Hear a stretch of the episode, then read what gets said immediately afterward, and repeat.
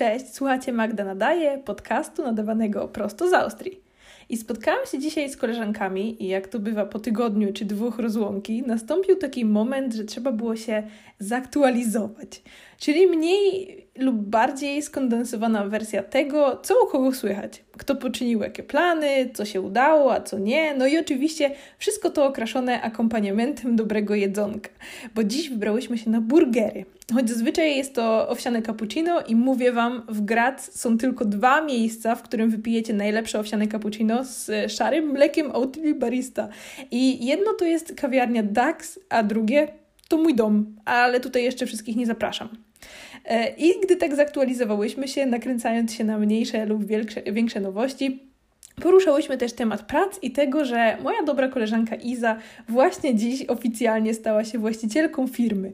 I to było coś, o czym marzyła, jej totalna fotograficzna pasja, no i założenie firmy stało się jedną z tych rzeczy do odhaczenia z dużej listy marzeń.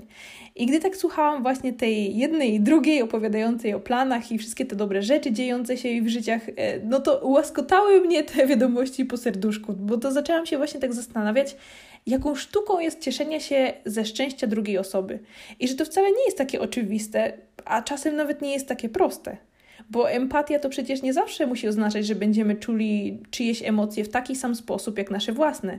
Bo empatia to też umiejętność zrozumienia uczuć drugiej osoby, nawet wtedy, gdy sami tego nie odczuwamy. Ale czy nazywanie się człowiekiem empatycznym musi zawsze oznaczać, że potrafimy się tak naprawdę cieszyć szczęściem drugiej osoby? A, a jeśli nie, to dlaczego? I, I, czy to znaczy, że jesteśmy jacyś, nie wiem, inni? Albo niepełnowymiarowi? I weźmy na przykład jakieś obce osoby, czy ludzi, których mijamy w pracy, z którymi czasem rzucamy krótkie hej, co tam? Po czym każdy w sumie weźmie łyk kawy i rozejdzie się w swoją stronę. I czasem dzielimy się jakimiś takimi małymi skrawkami swojej codzienności w rozmowie i czasem dzielimy się też bardziej pozytywnymi rzeczami. A przynajmniej ja nie lubię, gdy ktoś tak na dzień dobry, jak się masz, zaleje mnie takim totalnym wiadrem problemów. No chyba, że długo się znamy i lubimy, no to wtedy jestem w stanie zakasać rękawy, zaparzyć kawę i to obgadać. Ale w przeciwnym razie, no raczej nie jest to moja idealna środa, powiedzmy ósma rano. Więc w przypadku obcych ludzi, którzy dzielą się ze mną tym, że ich siostrzeniec właśnie wygrał turniej piłki nożnej, a że Susan kupiła sobie naprawdę fantastyczną torebkę, no szczerze mówiąc, nie obchodzi mnie to w ogóle. Więc moje wow, to jest super, jest totalnie grzecznościowe. Albo innymi słowy, słowy no mało szczere. Bo czy tak wewnętrznie naprawdę cieszą mnie te informacje? Czy łaskoczą mnie po serduszku, jak myślę sobie, Boże, jakie to fantastyczne? No nie to nie znaczy, że życzę im źle, ani że nie potrafię zrozumieć, że kogoś te rzeczy mogą naprawdę cieszyć. Ale przez to, że nie ma między nami tej szczególnej więzi emocjonalnej, to odbieram te informacje jako takie fakty, nie ziębiące, nie grzejące, taki small. Nadal wolę słyszeć takie rzeczy niż negatywne, ale ciężko mi jest to tak jakoś tak, ciężko mi się w to wczuć. No bo nie wczuwamy się raczej, mówię tutaj o ludziach z takim powiedzmy standardowym poziomem empatii w coś, w co sami nie jesteśmy emocjonalnie związani albo zaangażowani, w coś, co nie przynosi nam jakiegoś pozytywnego efektu, czy korzyści, czy właściwie czegokolwiek. Trochę tak, jak ktoś opowiada nam swój sen. No, wszystko fajnie, ale właściwie to co nas to obchodzi? Nie było nas tam, nie widziałam tego, nie ma na to, nie ma na mnie to żadnego wpływu. I podobnie z drugą stronę. Ciężko jest oczekiwać, by ktoś obcy czy półobcy e, był w nasze historie tak samo zaangażowany. Oni no, nie cieszą się naszym szczęściem tak prawdziwie. Miło, że pogratulują, ale to tylko grzeczność. No ale inaczej jest już w perspektywie bliskich dla nas osób, tak jak dzisiaj na przykład. Iza jest ogromną marzycielką, milion pomysłów, ale to, co ją totalnie wyróżnia, to to, że jej pasja jest totalnie zaraźliwa. I ona nie mówi, słuchaj, ja tworzę w tym mieście, ty znajdź sobie coś innego. Tylko powiedziała mi ostatnio, Magda, ty tworzysz piękne rzeczy, dzielisz się tym za darmo, to jest super, ale zacznij sprzedawać swoje plakaty. I wiecie co? Tak właśnie zrobiłam. Ale do czego tutaj zmierzam, to to, że to jest absolutnie rzadka cecha, umiejętność cieszenia się czyimś szczęściem, umiejętność zachęcania kogoś, wspierania kogoś, takiego szczerego, nie po prostu rzucenie na wiatr czegoś w stylu, a no, no fajnie, no to powodzenia. I tak jak słuchając dzisiaj dziewczyn opowiadających o tym, co tam u nich słychać, doszłam do wniosku, że każda z nas żyje totalnie innym życiem. Jedna założyła swoją małą rodzinę, druga rozkręca biznes.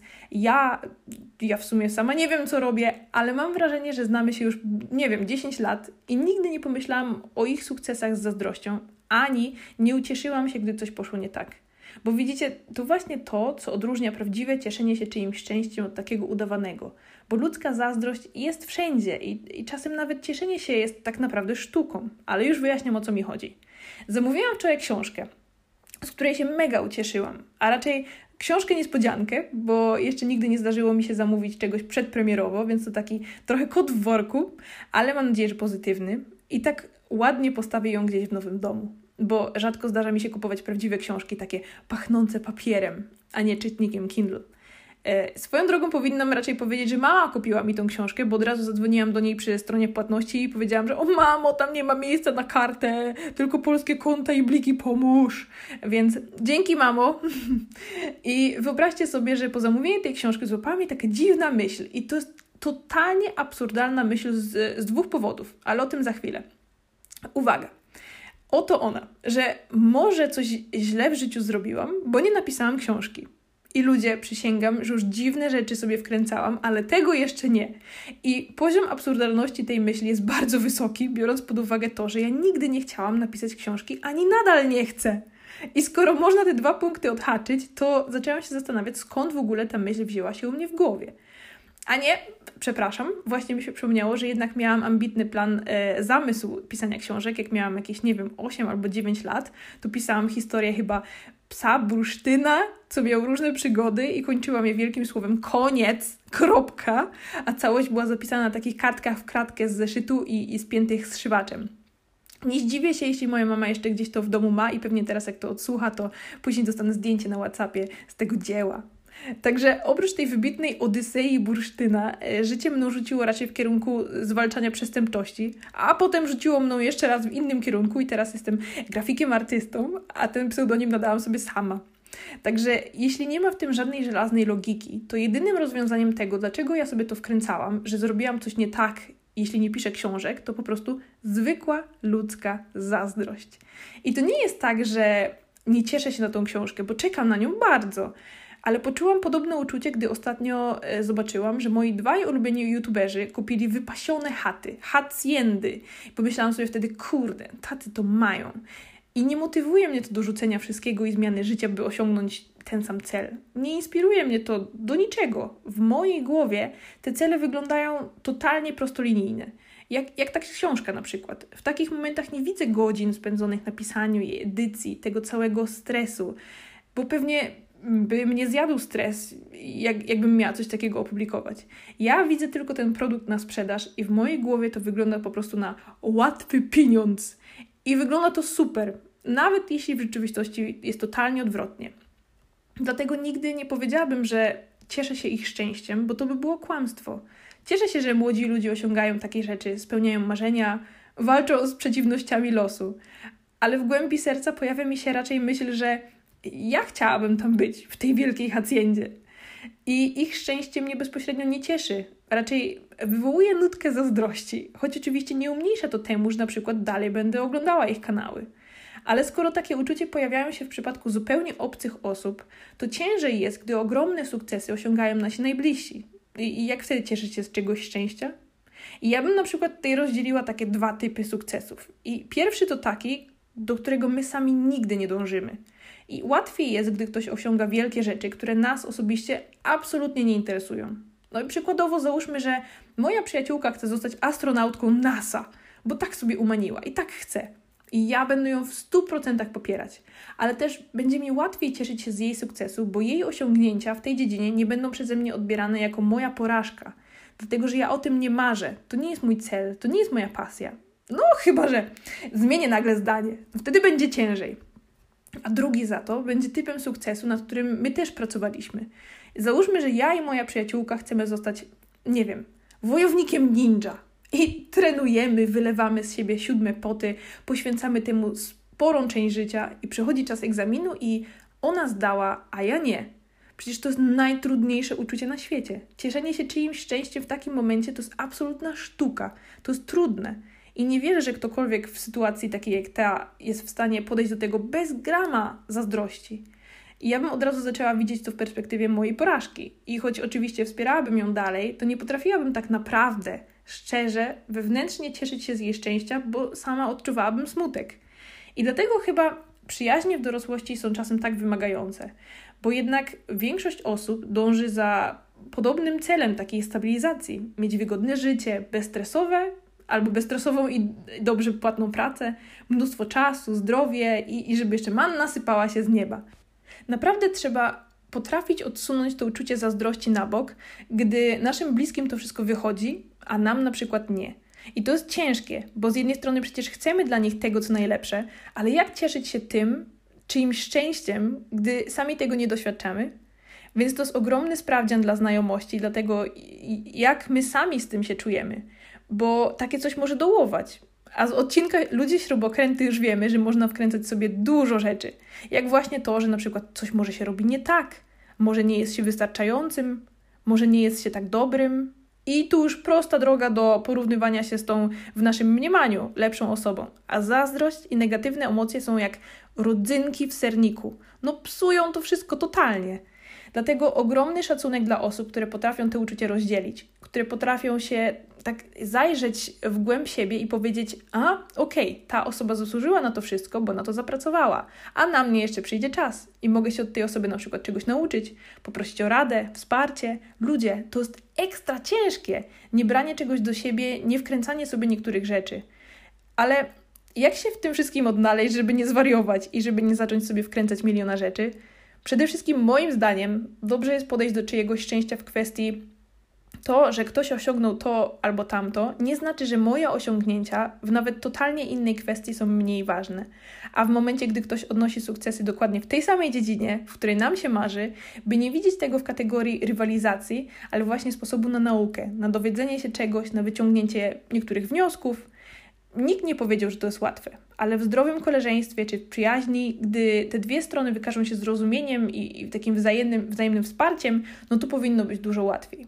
I ja mam na przykład to szczęście w życiu, że otaczam się naprawdę wieloma mądrymi osobami i wieloma, które mają tą umiejętność właśnie wsparcia mnie też w moim szczęściu, nawet jeśli sami w tym momencie nie doświadczają czegoś takiego. I pozostaje mi tylko mieć nadzieję, że jestem w stanie odwdzięczyć im, im się tym samym. Jak na przykład moja przyjaciółka Ola, papuga, której życie nie potrafi określić inaczej niż kompletnego chaosu. Tego, co tam się dzieje, nie rozumie nikt, w tym chyba ona sama. Ale niezależnie od tego, czy powodem tego, że do mnie dzwoni jest jakaś drama, czy może wielka radość, jest coś, co zawsze mi powtarza. Zasługujesz na najlepsze. Ludzie, jakie to jest rzadkie, powiedzieć komuś coś takiego i naprawdę to czuć, że ta druga oso osoba zasługuje na najlepsze. I potem mi powtarza, że jestem urodzona w czepku. Bo wspieranie siebie nawzajem jest super. Możliwość podzielenia się naszym szczęściem z drugą osobą jest jeszcze bardziej super. I bycie obok, bycie tą osobą, do której nasz przyjaciel czy przyjaciółka pisze z dobrymi wiadomościami, to jest najlepsze na świecie. No bo każdy lubi być czasem poklepany po główce i mierzymy często nasze szczęście w perspektywie tego, jak odbierają to inni. Czyjaś reakcja daje nam ten, pozytywny feedback ten, tę informację, dobra robota, że nam się coś udało i ktoś nas pochwali. I to jest super uczucie i bardzo potrzebne, bo dobrze jest się dzielić i dobrze jest rozmawiać. I dlatego, jak słyszę, że znajomi zakładają firmy, podążają za marzeniami, spełniają się w tym, co robią. Ludzie, to jest fantastyczne i czasem czuję się, jakbym była taką cegiełką w ich imperium, które cały czas budują, że mentalnie trochę w tym uczestniczę, w ich wzlotach i upadkach i mogę się cieszyć tymi drobnostkami i wielkimi rzeczami i wznosić toast lemoniadą za otwartą firmę, za nowych klientów, za cokolwiek. No ale to, że przecież coś się logicznie rozumie, to nie znaczy, że tej nutki zazdrości czasem się nie odczuwa. I takim sposobem dalej sobie pomyślę, kurde, taki to ma, gdy ktoś wyda jakąś super książkę. Albo pomyślę sobie, no nie wytrzymam, jak jakiś youtuber dwa razy młodszy ode mnie kupi sobie wymarzoną willę. Ale jednocześnie będę trzymała za nich wszystkich kciuki. No bo spełnianie swoich marzeń to też sztuka. Wydawanie książek, ogrom stresu, pracy. Kupienie willi to wisienka na torcie energii wkładanej w tworzenie i zarządzanie biznesami. I to jest ekstra, że ktoś coś takiego potrafi zrobić. Ja nie muszę podążać dokładnie za tym samym, nie muszę podążać tym samym torem. I zazdrość zakujemy na chwilę, ale potem wrócę do zrobienia swoich rzeczy. Nawet jeśli trochę mniejszych. Nieważne, ale moich. Dobre emocje generują kolejne dobre emocje i dzielenie się tym, co dobre, motywowanie innych jest trochę taki, nie wiem, efekt motyla. Rozsiewa się tą dobrą aurę i ta aura do nas wraca.